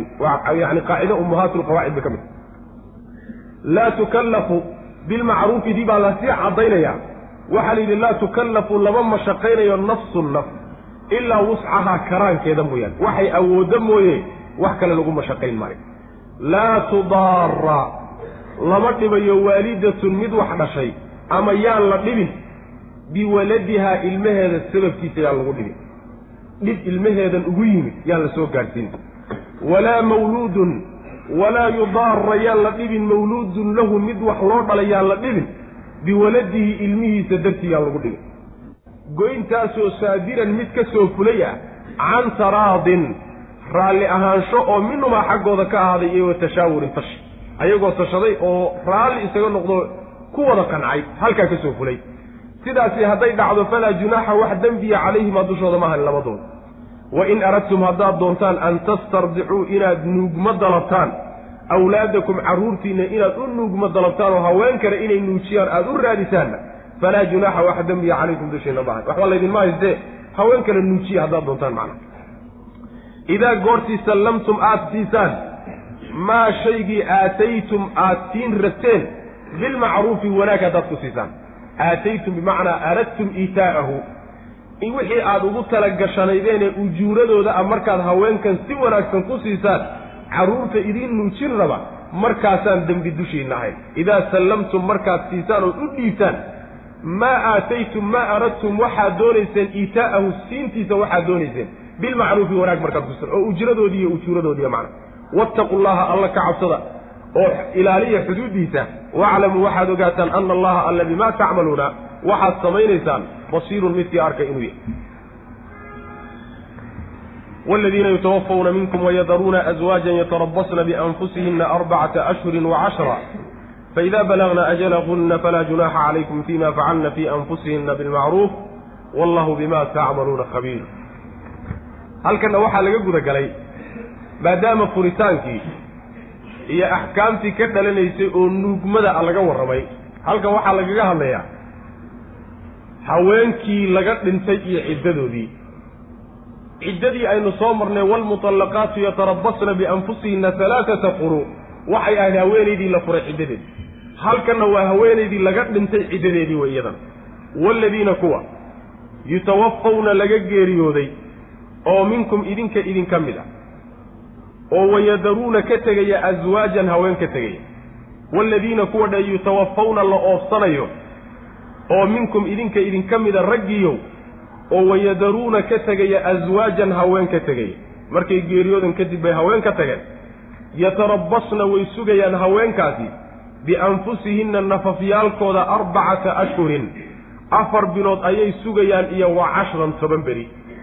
Afar bilood iyo toban beri bay sugayaan intayna guur labaad isu qabanqaabinin fa idaa balagna haddii ay gaadhaan ajalahunna muddadoodii hadday gaadhaan loo qabtay oo ciddadii ay dhammaystaan falaa junaaxa wax dembiya calaykum dushiinna ma ahanin mas'uuliintiiyow fii maa shayga facalna ay sameeyaan fii anfusihinna nafafyaalkooda waxay ku sameeyaan oo bilmacruufi wanaag ay ugu sameeyaan wixii wanaag oy naftooda ku sameeyaan oo markaa guur iyo isu diyaarintii iyo isu qurxintii ah waxba idinkama saarna dembi kuma lihidin wey macana iyagana waa u bannaanta wallaahu alla bimaa tacmaluuna waxaad samaynaysaan khabiirun kii og wey macnaha waxa weeye haweenayda haddii laga geeriyoodo ciddadeedu waa afar bilood iyo toban beri wey kulli isku dooduduub waxaa laga soo reebayaa keliyata hal mid. Middaasi waxa weeyaan haweenayda uurka leh. Haweenay uur leh haddii laga geeriyoodo iyada ciddadeedu waxay la mid tahay middii la furay uurka lahayd bay isku mid yihiin. Wa ulaatu laxmaali ajaluhun ajalahu ajaluhunna an yadacna xamlahunna. Ayaga waxa weye uurka intay ka dhigayaan ayay ciddadoodu tahay macna haddayna uur lahayn oo iyadoon uur lahayn la furay ciddadeedu waa afar bilood iyo toban beri wey ama ha lala aqalgalo ama yaan lala aqalgelin ama meeraa loo magacaabo ama yaan loo magacaabin. Marba haddii laga dhintay oo laga geeriyooday uurna aysan lahayn ciddadeedu waa afar bilood iyo toban beri wey halkaas markaga bax hadday uur leedahay laakiin ciddadaasi inta ay ka dhigayso unbay macnaha intay uurka ka dhigayso ciddadeedu wey habeenkaa uu ninkeedu geeriyoodo saacado ama laxadaad kadib hadday umusho khalaas ciddadeedii waa dhammaatay. Sidaana wuxuu ku sugayaa xadiidka subaycata alaslamiya gabadha la yidhaah ayaa cahdigii nebiga salawatullahi wasalaamu calayhi ninkeedii baa ka geeriyooday. Muddo gaaban markuu geeridii sii mootanaa ayaa marka waxa weeyaan umushay markay umushayba waxay isu diyaarisay inay macnaha waxa weye guursato. Cilaankii iyo carmaliyeyntii bay gashay markaasaa waxaa arkay nin la yidhahdo abusanaabil oo saxaabiya ark markaasuu yidhi nama waxaad doonaysaa inaad guursato? Ood isu cilaaminaysaa markaasay tidhi haa. Markaasuu yidhi maya ilaa afar bilood iyo toban beri ay kuu dhammaato ilaa ma guursanaysid buu ku yidhi. Arrintaasu u fatwooday. Nebiga u timi salawatullahi wasalaamu calayhi markaasay arrinku u sheegtay nebigu salawatullahi wasalaamu calayhi guursa buu yidhi haddaad doonto oo kuu bannaan tahay sidaas way macana marka waxa weeyaan ta uur kale iyadoo uurkaa macnaha waxa weeye xukuma. Laakiin inta kaleeto ciddadoodu intaas wey muddada ay ciddada ku jiraan marka. Waxay samaynayaan wax la yidhaahdo oo macnaha waxa weye axaadiista nebiga ku sugan salawatullahi wasalamu caleyh ixdaad wax la yidhahdo macnaha isbasaasin waxay ka dheeraanayaan waxyaalaha ududgoon oo dhan way ka dheeraanayaan dharka aada u qurquruxsanee dhaldhalaalayana waa ka dheeraanayaan waxaa kaloo ka dheeraanayaan yacni dahabka iyo waxyaalaha laysku qurxiyo indhakuusha iyo yacni cillaanka iyo waxyaalahaasoo dhanna waa ka fogaanaya muddada afarta afarta bilood iyo tobanka beriya yacni waxaa saaranaya bandowgaasaa saarnaanaya macana sidaasi wuxuu ku yimid xadiidka nebiga sal alay wasalam xadiid saxiixa oo saxiixaynka ku yimid laa taxilu limra'atin tu'minu billahi walyawmi alaakhiri an taxidda calaa mayitin fawqa halaatin ila calaa zawjin arbacata ashhurin wa cashraa yacni nin wixii ninka ka soo hadhay oo dadka kaleeto ee qaraabada hadday geeriyoodaan saddex beri ka badan laysuma basaasin karo. Laakiin ninka afar beri afar bilood iyo toban beri in laysu basaasiyaa waajib ah. Saasuu nabigeenu salawatullahi wasalaamu calayhi u leey gabadh waxaa jirtay bukhaariga xataa ku timi ku yimid sida ku yimid. Inta indhaha laga qabtay oo bukooriya wax ku dhacday ma aqaana indhaha laga qabtay. Ninkeediina uu geriyado ciddadii ku jirtaa waxaa indhaha laga qabtay. Markaasaa waxaa u timid hooyadeed baa nebiga u timid markaasay tii nebiga ilaahayow ma u indhakuulaa oo daawo ma uga dhigaa? Nebigu maya buu ihi salawatullahi wasalaamu caleyh uma ogolaanin marka wax alla waxyaalahaasoo dhan way ka fogaanaysa gabadha intay ciddada ka baxayso waxaa la yidhahdaa asayda ee madaxa loogu xidho gabadha gabdhaha loogu xidho gambada cad. Waxaasi wax jiro oo sharcile ma ah. Sharciga meelkuma laha. In aysan qabaysan karaynina iyadana sharciga meelkuma laha. Waxa uun la doonayaa waxyaalaha aan sheegnay inay iska ilaaliso laakiin in la takooro oo macnaha waxa weeye dadka laga dhex bixiyaayo oo calal cad madaxa loogu duubaayo arrintaasi jaahiliyadii bay ka soo jeedaa jaahiliyada waxay samayn jireen meel bay ku fongori jireen. Waxaasi wax sharciga ku yaalla ma aha.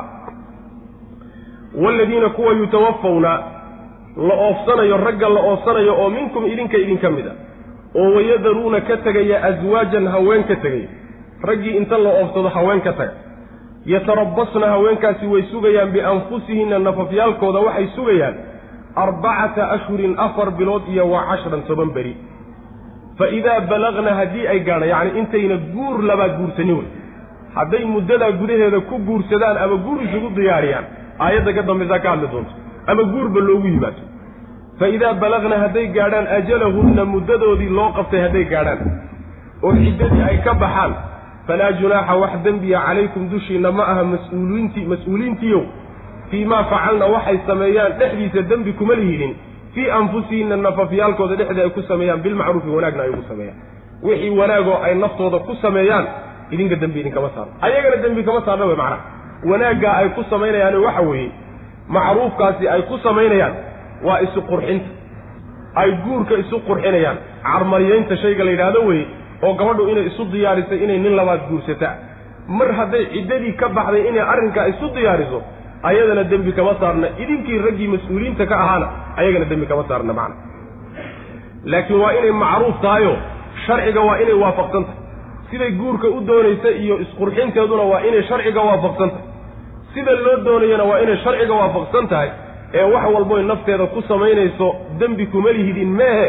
Hadday xumaan nafteeda ku samayso mas'uuliyiintii iyo dadkii waalidka u ahay waxa weeyaan dembi bay ku leeyihiin macruuf wixii un bayna dembi kulahayn wallahu alla bimaa tacmaluuna waxaad samaynaysaan khabiirun midkii og weye oo xogulaal u ah rabbi subxaana wa tacala waana idinku abaalmarinay walaa junaaxa calaykum fima carabtum bihi min khitbati الnisa'i aw aknantum fi anfusikum.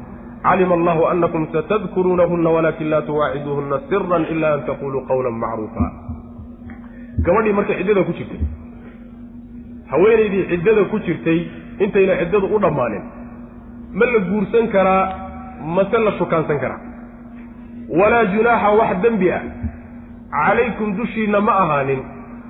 Fii maa shay dhexdii dembi kuma lihidin carabtum aad sardeebtaan bihi isaga oo min khidbati annisaa'i haweenka shukaansigooda doonitaanka haweenka. Aw amase aknantum wixii aad qarisaan fii anfusikum nafafyaalkiina dhexdooda aad ku qarisaan oo qalbigaba aad iskaga haysataan oo inaad markay ciddada ka baxda guursan doontaan. Calima allahu alla wuxuu ogaaday annakum idinku satadkuruunahunna inaad u sheegi doontaan waxaan qalbiga hadda ku aasan inaad markay ciddada ka baxda aada u sheegi doontaan ood ula badrheeri doontaan ayuu alla ogaaday subxana wa tacala saas daraaddeed buu sarbeebta idinku ogolaaday walaakin laa tuwaaciduuhunna hase u yaboohina siran si qarsoodi ah ha ugu yaboohinoo ballan ha ula gelina ilaa an taquuluu inaad tidhaahdaan mooyaane qawlan hadal macruufan oo wanaagsan hadal wanaagsan oo sharcigu ogol yahay inaad aad macnaha u jeedisaan mooye laakiin ballan hoosaad ha la dhiganina. Walaa taczimuu ha guntina cuqdata annikaaxi ama walaa taczimuu ha go'aaminina calaa cuqdati annikaaxi guurka guntintiisa ha guntina ama ha go'aaminina inaad gunudaan xataa yabluqa ilaa uu gaadho alkitaabu. Kitaabkii ilaa uu ka gaadho qadarkii iyo macnaha waxa weye muddadii ilaa ay ka gaadho ajalahu madasheeda ilaa ay ka gaadho. Kitaabka macnaha waxaa laga wadaa muddadii la qabtay muddadii iyada ayda la qabtay ilaa ay madasheeda iyo dhammaadkeeda ka gaadho. Yacni waxa weyan arrinkaa isaga ha samaynina. Ha guntina guurka oo ha guursanina gabdhaha.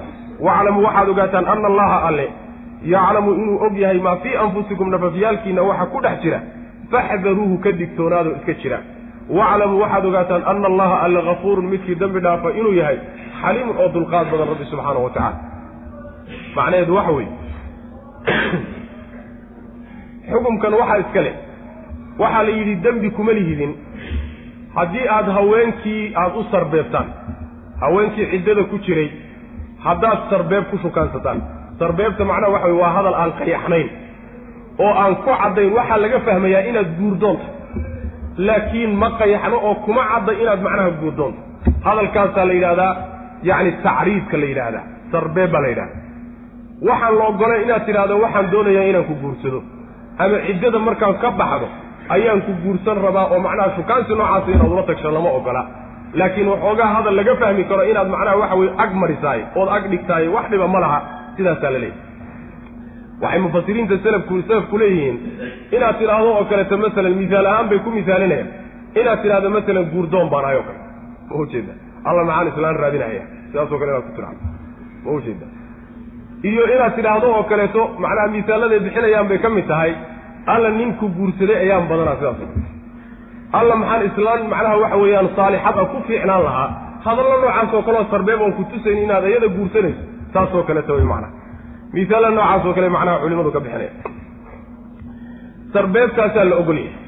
Laakiin inaad si toosa ula badheedho taa iyadaa lama rabo waxaa iskale sarbeebtaa iyadaa oo loo sarbeebi karayaa haweenayda haddii laga geeriyooday iyo haddii la furay furitaankana dalqadii ugu dambeeyey la furay. Labadaas keliya. Laakiin haddii haweenayda la furay ayna ku jirto ciddadii rajciyada ay ku jirto xataa sarbeeb ulama tegi karaysa xataa sarbeeb lama ogola. Waa nin baa qaba.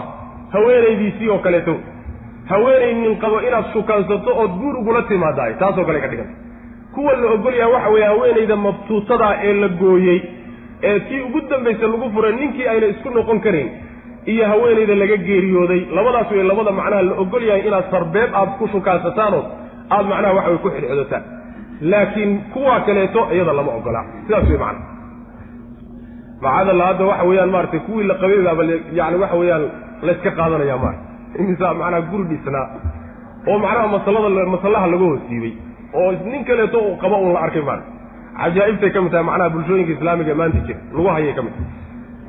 Wixii marka aad qarisaan oo sidoo kale qalbigiinna aad ku qarsataanna wax laydin haysta ma jiro macnaha haddaad qalbigaaga ku qarsato gabadhan markay ciddada ka baxday inaad guursato qalbigaaga waxaa ku jiraay waxaba yaraatee dembioo lagu haysta maa jiro go'aankaaga laakiin qalbigaaga kuugu jiro alla wuxuu ogaaday waxaa qalbigaaga ku jiray inaad u sheegi doontaan oo kollaya kollayba la soo horfadhiisan doontaan. Sidaa daraaddeed baa laydinku ogolaaday sarbeebta macnaha rabbi subxaana wa tacaala wuxuu leeyahay ballanqaad oo siriya oo qarsoon ha la gelina. Oo ballanqaadkaasi uu yahay yacni waxa weeyaan markaad ciddada ka baxda aan isguursanno ballan noocaasoo kalea hala dhiganina. Ama siranta sida mufasiriinta qaar ka mid a ay marayaan ballanqaada inaad kala zinaysataan. Ma ujeeda macadallah yacni waxa weeyaan inaad zino aad kala zinaysataan oo sidaa markaa kadibna aad isku guursataanna sirantana sidaa qolada mufasiriinta ka mid ah waa ku fasiray. Inaad hadal wanaagsan u jeeditaan mooya hadalkaa wanaagsan waa sarbeebtii la soo sheegay wey macana ha guursanina haweenkaa ciddada ku jira buu rabbi leeyahy subxaana wa tacaala ilaa muddadoodu ay dhammaato guurka la guursadaayey haweenay ciddo ku jirtaay ama tii in loo sarbeebo oo sarbeeb lagu shukaansado bannaaneed ha noqoto ama tii kale ha noqotee haweenay ciddo ku jirta ruuxii guursadaayey waxa weeyaan wax guura u asaxay ma ay jirto haddii lagu qabtona waaba la garaacay. Haddii lagu qabto waa zaani wey. Maxaa yeele waxay ka mid tahay ankixada ijmaaca culimmadu ay isla ogol yihiin inaysan waxba ka ansaxaynin bay ka mid tahay macana wax shubhaa kuma ay jirto. Nikaaxyo qaarkood oo laysku khilaafsanya waa jiraan laakiin midkaasi inuusan ansaxaynin culimmadoo dhan baa isla waafaqsan macana sidaasuu ilaahi subxaana wa tacala u leeyahy waxaad ogaataan waxaa naftiinna ku jira. Ilaahay waa ogyaha waxaad ku hadashaan iskaba dhaafe ilaahay subxaana wa tacaala iska jira iyo cadaabkiisa. Ilaahay waxaad ogaataan dembiga waa dhaafaa. Wixii horay idinka dhacay haddaad toobad keentaan rabbi waa idinka toobad aqbalaya. Dulqaadna waa leeyaho rabbi waa dulqaad badan yahayo dembi badan idinkoo gelayuu rabbi subxaana wa tacaala idinku dulqaadanaya walaa junaaxa wax dembiya. Calaykum dushiinna ma ahaanin fii maa shay dhexdii dembi kuma lihidin. Carradtum aad sarbeebtaan bihi isaga oo min khidbati nnisaa'i haweenka doonitaankooda. Haweenta macnaha doonitaankooda shukaansigooda xodxodashadooda yani yani baryadooda waxaa doontaba dhe macnaha. Khidba haddii la yidhahdo kha'da la hoos dhigo macnahaas wey khudba haddii la yidhahdona waa hadalka caadiga la jeediy wey macnaha. Sidaasay ku kala gedisan yihiin dembi kuma lihidin wixii aad sarbeebtaan aw amase aknantum wixii aad qarisaan fii anfusikum nafafyaalkiina aad ku qarisaan wixii qalbiga aad ku go'aan idinku jira iyadana dembi kuma lihidin. Calima allahu alla wuxuu ogaaday annakum idinku satadkuruunahunna haweenkii inaad u sheegi doontaan. Markay ciddada ka baxaan. Walaakin laa tuwaaciduuhunna hase la ballantamina oo ballan ha la gelina siran si qarsoodi ah ilaa an taquuluu inaad tidhaahdaan mooyaane qawlan hadal macruufan oo wanaagsan. Hadal sharcigu idiin ogol yahay inaad u jeedisaanoo aad kula hadashaan mooyaane. Walaa taczimuu ha guntina cuqdata nikaaxi. Guurka guntintiisa ha guntina xataa yabluqa ilaa uu gaadho alkitaabu. Muddadii ilaa ay ka gaadho ajalahu madashiisa iyo dhammaadkeeda ilaa ay ka gaadho. Kitaabkii la qoray iyo macnaha muddadii ciddadii ilaa ay dhammaadkeeda ka gaadho. Waxa weeyaan ha guntina guntinta guurka ha guntina. Macnaha meherinina waclamuu waxaad ogaataan ana allaha alla yaclamu inuu og yahay maa fii anfusikum nafafyaalkiina waxa ku dhex jira qalbigiinna waxa ku jira faxdaruuhu iska jiroo ka digtoonaada waclamuu waxaad ogaataan ana allaha alle hafuurun inuu yahay midkii dembi dhaafa xaliimun oo dulqaad badan inuu yahay rabbi subxaana wa tacala laa junaaxa calaykum in طallaqtum الnisaءa maa lam tamasuuhunna aw tafriduu lahuna fariida halkanna waxaa laga guda galay haweenkii haddii la furay meher bay yeesheen meherkoodii iyo siday u kala leeyihiin ba haddana meesha laga galay laa junaaxa wax dembi ah calaykum dushiinna ma ahaanin raggiiyow in dallaqtum haddaad furtaan annisaa'a haweenka haddaad furtaan maa lam tamasuuhunna intaydaan taabanin intaydaan u galmoonin haddaad furtaan aw tafriduu intaydaan u qadarin lahunna iyaga fariidatan waxba aydaan u qadarin wax uun intaydaan u goynin oo aydaan meher u goynin haddii aad furtaan wamaticuuhunna u raaxeeya haweenkii aad furteen cala almuusici midka waxhaysta oo macnaha waxa weeyaan uu durugsan yahay risqiga ilaahay uu siiyey. Dushiisa waxaa ahaaday qadaruhu qiyaastiisa kolba inta tabartiisu ay tahay baa laga rabaa. Wa cala almuqtiri midka cidhiidhiga ahee yacni risqigu ku cidhiidhiga yahay ee faqiirkaana qadaruhu isagana awooddiisa iyo inta karaankiisa ayaa dushiisa. Mataacan raaxayn u raaxeeya bilmacruufi wanaag xaqan mataacaasoo xaq oo cala almuxsiniina dadka muxsiniintaa waajib ku ah. Yacni xaq muxsiniinta dushooda lagu leeyahay weye raaxayntaasi. Haweenka la furay loo raaxayn. Macnaha waxa weeye. Labadan aayadoodba aayaddan iyo midda ka dambaysaba waxay ka hadlayaan meherkay ka hadlayaan. Haweenkii baa marka la kala qaadqaadi. Waxaa loo kala qaadaya afar qaybood baa loo kala qaadaya. Haweenayda haddii loo galmoodo waa haweenkii la furay wey afar qaybood bay u kala baxay. Inay tahay haweenay loo galmooday markii la meherinayeyna meher loo sheegay. Markii la meherinayey meher baa loo sheegay kadibna waa la dhistay. Haweenaydaasi meherkeeda oo kaamilay leedahay. Waxbana lagama faragelin karo. Xaggaynu ku soo marnay in aynan idiin bannaanayn wixii aad siiseen inaad dib ugu laabataan. Aayaddii addalaaqu marataan baynu ku soo marnay. Qolyahaasi halkaas wey midda labaadi waxa weeye waxba looma qadarin markii la meherinayey waa uu layska meheriye meherna lama magacaabin. Waana loo galmooday. Oo macnaha waxa weeyaan waa lala aqalgalay. Waa lala aqalgalay markii hore ee macnaha waxa weeye la meherinayena waxba looma sheegin. Middaa iyada ah ayadana waxa weeyaan way inoo imaan doontaa xukunkeeda. Way inoo imaan doontaa. Midda kaleeto waxa weeye waa mid markii la meherinayo waxbaa loo qadaray. Lalamase galmoonin. Taa iyada ah iyadana xukunkeedu waxa weeyaan aayaddan inoo soo socotaa ka hadli doonto oo waxay leedahay nisfulmahri bay leedahay. Waxba looma magacaabin markii macnaha waxa weye la meherinayey waana lala aqalgalay. Ma u jeedaa maya tii hore waxay ahayd yacni tii labaad tii labaadi waxay ahayd waxba looma qadarin lalamana galmoonin. Waxbana looma qadarin lalamana aqalgelin middaa iyada ah suuratu alaxzaab baan ugu tegi doonnaa insha allahu tacala inaysan meher lahayn. Wax mehera ma laha. Tan tadaatana waa inoo sheegaysaayo meeshan taasu ilahi subxaana wa tacala ku tilmaamo aayaddana ka hadlaysa maa lam tamasuuhunna aw tafriduu lahunna fariida. Mana aydan la aqalgelin mana aydan markii aad meherinayseenna wax mehera looma sheegin. Waxba ma ay laha mutcada mooyaane oon ka hadli doonno insha allahu tacala ta saddexaadi waxa weeye waa haweeney wax loo qadaray. Markii la meherinayey baa meher loo sheegay. Laakiin waxa weeyaan lalama aqalgelin taas iyadaa aayaddan soo socota ayaa inoogu imaan doonto meherka niskii bay leedahay. Meher niskii meherkii loo maga macnaha waxa weeye loo sheegay niskii ayay leedahay. Midda dambena waxa weeye waa lala aqalgalay waxbana looma magacaabin. Ujeeda waxbana looma magacaabin. Yacani waxa waana lala aqalgalay markii hore la meherinayana waxba looma sheegin waxay inoogu imaan doontaa fii suurati nisa fama istamtactum bihi minhunna fa aatuuhunna ujuurahunna. Sidaasay noqonaysa. Gebagabada warku waxa weeye haweenka midna meher ma laha tootali duubduubba meher ma laha. Taasi waxa weeyaan waa midda yacni waxa weye markii la meherinayeyna aan meher loo sheegin markii dambena lala aqalgal aan lala aqalgelin middaasi meherba ma lahaba waxba male midna meherka niskii bay leedahayo waa midda markii la meherinayey baa meherkii loo sheegay. Intaasaad leedaha li laakiin lalama aqalgelin meherkii niskii bay leedahay.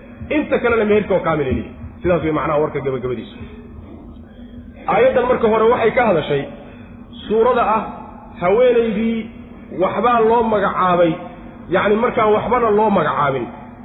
Oo markii la meherinayena meher looma sheegin kadibna lalama aqalgelin middii ugu horrey suuradii ugu horraysay meherka ayna lahayn weeyaano markaasi waxba idinkuma lahaw. Laakiin ilaahi subxaana wa tacaala xukumkan uu sheego wuxuu yidhi wamaticuuhunna u raaxay mutcada waxaa la yidhaahdaa waxoogaa tacsiye ah maadaama gabadhii uu niyad jab ku yimid oo la furay waxoogaa macnaha waxa weeyaan sasab ah ood ku sasabtaan siiya waxoogaagaa lama xadidin. Ma lacagba ma gurigoo la siiyaa ma waxoogaa dharoo loo tuuraa waxoogaa adigu sabirsiin ah ku sabirsiiya baa la leeyahy subxana wa tacala middaa iyada aan meherka lahayn. Sabirsiintaasi qadarkee wey. Qadarka ay tahay waa nin walba iyo dhaqaalihiisow. Ninkii waxoogaa haystow waxoogaa kuusan gabadha u tug. Ninkii waxoogaa ay ka taallo oo macnaha iska danley uuna intaad awoodda adiguna u tur wey macnaheed sidaasaa lagu yidhi xukumkaasina raaxayntii waa xaq dadka muxsiniintaa dushooda saaran ayuu alla leeyahy subxana wa tacala marka raaxayntaasi mawaajiba oo gabadhii sidaas ayade sidaa lagu furay mawaajiba mise waa iska sunno wey? Khilaaf weyn baa culimada ka dhex taagan. Saddex madhab baa laysugu khilaafsay qole waxay leeyihiin haween oo dhan haddii la furaaba. Ama meher ha la siiyey ama yaan la siinin mutco waxoogaa sasab oo taxsiya in loogu daro waa lagaa maarmaan. Walilmuطallaqaati mataacun bilmacruufi ayaa inoo imaan doonta. Oo haweenkao dhan wada camimaysa mudallaqaadka qolena waxay leeyihiin maya midda aan meherka lahayn meher aan la siinine laakiin la diray taa unbaa waajib ay tahay inta kaleeto waa iska sunne. Ra'yi kaleeto oo saddexaad baa isaguna jira oo culimada qeyr qaar ka mid a ay qabaan macna. Laa junaaxa wax dembiya calaykum dushiinna ma ahaanin. In dallaqtum haddaad furtaan annisaa'a haweenkii haddaad furtaan. Haddaad haweenka furtaan wax dembiya dushiinna ma ahaanin. Maa lam tamassuuhunna. Yacni junaaxa waxaa laga wadaa. Dembi idin fuulaya lagama wade laa junaaxa macnaha raacasho iyo dabagal laydinkuma lahaw. Wax oo meherkaa laga wadaa laa junaaxa wax meher ah. Calaykum dushiinna ma ahaaninoo laydiin raacanayo. In dallaqtum haddii aad furtaan annisaa'a haweenkii haddaad furtaan. Maa lam tamassuuhunna. Haddii aydaan taabannin weeye aw tafriduu lahunna ama aydaan u qadarin oydaan u goynin fariidatan qadar macnaha waxa weye xoolaa aydaan u goynin markii hore la meherinayay waxba looma goynin waa shardi. Shardiga labaadna waxa weye lalama aqalgelinoo maydaan u tegin.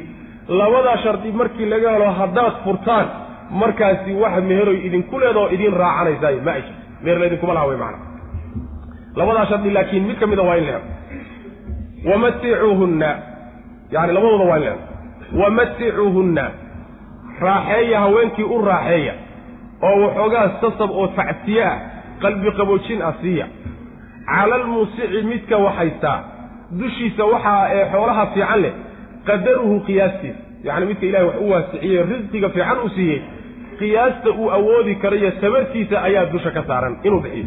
Wa cala almuqtiri midkan cidhiidhyamay ee lagu cidhiidhiyo risqigiisu cidhiidhiga yahayna isagana dusha waxaa ka saaran qadaruhu qiyaastiisa iyo tabartiisa mataacan u raaxeeya maticuudii bay mastar u tahay u raaxeeya mataacan raaxo u raaxeeya bilmacruufi wanaag. Si wanaagsan ugu raaxeeyo sida la yaqaano sharcigu yaqaano xaqan. Raaxayntaasoo xaqan mid sugan ah.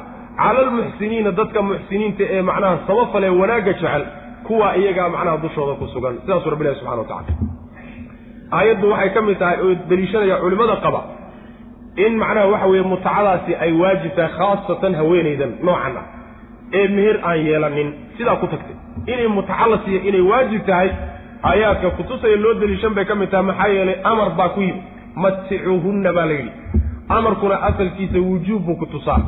Waxa waa la sii xoojiyo waxaa la yidhi cala almuusici qadaruhu wa cala almuqtiri qadaruhu. Haddana calaadaa la isticmaalo ilzaama. Waa la sii xoojiyo master baa lagu xoojiyo mataacan baa haddana layidhi lagama daba hadhina waxaa la yidhi xaqan cala almuxsiniina layidhi waxaad moodaa marka inay xoog badan tahay in ay haweenaydaas oo kaleeto ay mutacadu u waajibayso. Bal qolyaha kale haba laga doode wa in dallaqtumuuhunna haweenkii haddaad furtaan. Min qabli an tamasuuhunna intaydaan taabannin haddaad furtaan. Waalxaal qad faradtum aada u goyseen. Lahunna ayaga fariidatan goyn aada u goyseen. Aada meher u magacowdeen markii hore ayadoo xaalku sidaa ahaa haddaad idinkoon taabannin sidaa ku furtaan oo u galmoonin fa nisfu maa faradtum. Fa calaykum dushiinna waxaa ah nisfu maa qaar shay niskii faradtum aada u qadarteen. Shaygii aada u qadarteen ee meher ahaa niskii bay idinku leeyihiin ilaa an yacfuuna inay iskaba cafiyaan niskaa oo iska dhaafaan mooyaane. Aw amase yacfuwa inuu cafiyo mooye alladii midka biyadihi gacantiisa cuqdatu nikaaxi.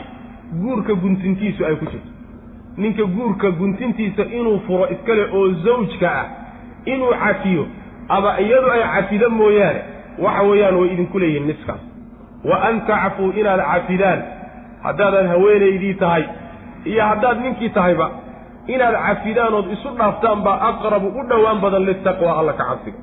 Walaa tansaw ha halmaamina alfadla dheeraadsiin ha halmaamina baynakum dhexdiina aad dheeraadsiisaan. Ood wax isu doortaan ina allaha alla bimaa tacmaluuna waxaad samaynaysaan basiirun kii arka wey macana macnaha waxa weye waa tii kale sheegaynay haweenaydii markii la guurinayey meher baa loo sheegay macnaha waxaa bannaan markaa haweenka la guurinayo ama caqdiga la guntayo la guurinayo laba suuraba waa bannaanta suuro ah in la yidhaahdo gabadhii meherkeeda la sheego la yidhahdo intaas iyo intaasaa lagu meheriyey iyo in shibba laga yidhaahdo war gabadh heblaan lagu guuriyey iyo waan aqbalay iyo markhaatigiiyo meesha jooga khalaas meherba lama sheegin. Waa bannaanta waxaa marka gabadhaasi meherkeeda lagu qiyaasayaa gabdhaha iyada lafaca la midka ah la quruxda la guriga qolyahaasaa looga qiyaas qaadanayaa meherkeeda hooyadeed iyo walaasheed iyo qolyahaas ayaa lala aday meherulmitliga meesha fuqahadu dhahaw marka labadaas suuraba waa bannaanta gabadhii marka haddii meherkii la magacaabay oo meher intaasaad leedahay lagu yidhi caqdiga loo sheegay. Kadibna ninkii siday u kala maqnaayeen isagoon u galmoonin oo aan aqal la gelin sidaa uu ku furaay waxay ku leedahay wixii loo magacaabay niskii bay leedahay. Ilan waxa weeyaan waa la hunguri geliyey. Tii hore lamaba hunguri gelininba. Miskiin meesheeda iska joogta laakiin tan waxbaa u magacaabona waa la hunguri geliyey. Saas daraaddeed wuxuu waa in iyada la siiya macna. Nis wixii loo magacaabay niskii baa marka la siinaya iyada saasuu ilahi subxaana wa tacala u leeyy waxay ku dhici kartaa uun ayadu inay iska cafido hadday iyadu iska cafido oo tidhahdo war maadaama ayna waxba iga maqnayn waxbana layma yeelin waxaygiina waa i dhammaystiran yahay waxaaga iska qaada hadday tidhahdo waxa weeyaan waa ziyaadatu khayr waa waxaaga wax ilahay kugu darweytaan waxaa kaleeto iyadana uu ku imaan karaa inuu ninku iska cafiyo aw yacfuwa aladii biyadihi cuqdatu nikaaxi sida raajixa waxaa laga wadaa ninka ayaa laga wadaa. Ninka maxaa yeelay meherka iyo guurka furitaankiisa waxaa iskale ninka keliya iskale sidaa daraaddeed ciddantadaasa cuqdatu nikaax gacanta ku haysaaye ee waxbay cafinaysaa la leeyahay waa ninkii wax qabay wey. Oo muxuu cafinayaa isagaaba wax lagu leeyahay? Wuxuu cafinaya waxa wey. Gabadhii inuu niskii kale ugu daro oo meherkii oo kaamila u siiyo. Saas wey macnaa yacni iyaduna cafigeedu waxa weeyaan inay niska iska cafido oo iskaba dhaaftaba isagana cafigiisu waxa weeyaan inuu niska ugu ziyaadiyo yidhahda naa meherkoo kaamila iska qaado maadaama aada naxday. Naxdintii macnaha kabma u qaado inuu ku yidhah saasaa macnaha waxa weyaan isagana cafigiisa sidaas wey macnaha. Sidaasaa raajix. Qolyaa waxay ku fasirayaan mufasiriinta ka mid a aw intaydaan u galmoonin. Kaasaa maskiga laga waxaa loo isticmaalaa inta badan. Baasiligin baan soo marnay. Rafas baan soo marnay. Ujeeda lamsigaa u tegi doonaa. Baan dul joognaa yani waxa weeyaan qur'aanka iyo sharcigu waa xishood badaya alfaadu siday u kala qurux badan tahay buu yuu u kala xusaa oo u kala qaataa. Sidaasi waa edbin ummadda la barayo waxa afka laguma ballaariyo afka laguma ballaariyo yani waxaa lagu maamaa yani hooyaday uur bay iyo weedrimantahay afka u kala fiican oo u kala macaan. Ojeeda adigoo labadiiba maqsuudka ku gudan karay ayaa haddana waxaa habboon kelimad inay ka qiimo badan tahay inaad xulato oo ma baxda uma bahay sidaasuu sharcigu isticmaalaa. Laakiin waxaa la qayaxayo macnaha waxa weeye midka nabarka laga saaraya waa laga fiicanya macna waa laga fiican yahay ishood baa logahay wain haddaad furtaan haweenkii min qabli an tamasuuhunna intaydaan u galmoonin walxaal qad faraftum aad u qadarteen lahunna iyaga fariidatan qadar aad u ama aad wax u geyseen fardiga bimacna alqasdi waa bimacna takdiirna waa hadda kahor aad wax u qadarteen ama hadda kahor aad wax u geyseen haddii arrinkaasi uu jiro fa maa taraktum fa dushiina waxaa laydinka rabaa. Nisfu maa taraktum wixii aad u geyseen aad u qadarteen niskii baa laydinka rabaa meelkiisa ilaa an yacfuuna gabdhihii inay ka cafiyaan mooyaane aw amase yacfuwa inuu cafiyo mooyaane alladii midka alladii zawjka biyadii gacantiisa cugdatu nikaaxi yani guurka guntintiisu ay ku jirto macna midka guurka guntintiisu ay gacantiisa ku jirto kaasi inuu cafiyo mooyaane oo macnaha uu midkii kalena gabadha isaga raaciyo oo uu lowkaamida wada siiyo wa an tacfuu inaad iska cafidaan haddaad haweenkii tihiin iyo haddaad raggiiba tihiinba labadiinaba inaad iska cafidaan baa aqrabu dhawaansho badan litaqwa alla kacabsiga jeesa u dhawaansho badan oo aakhiradiina u fiican walaa tansaw halmaamina alfadla dheeraad inaad halmaaminaado dheeraad iyo wanaag inaad fasisaan baynakum dhexdiina markaad kala tagteen kadib ina allaha alla bimaa tacmaluuna waxaad samaynaysaan kasiirun kii arka wey rabbi subxaana wa tacaala waana idinku abaalmarinaya wallahu aclam wasala allahuma wasalam cala nabiyina muxamedin وعلى اله وصحبه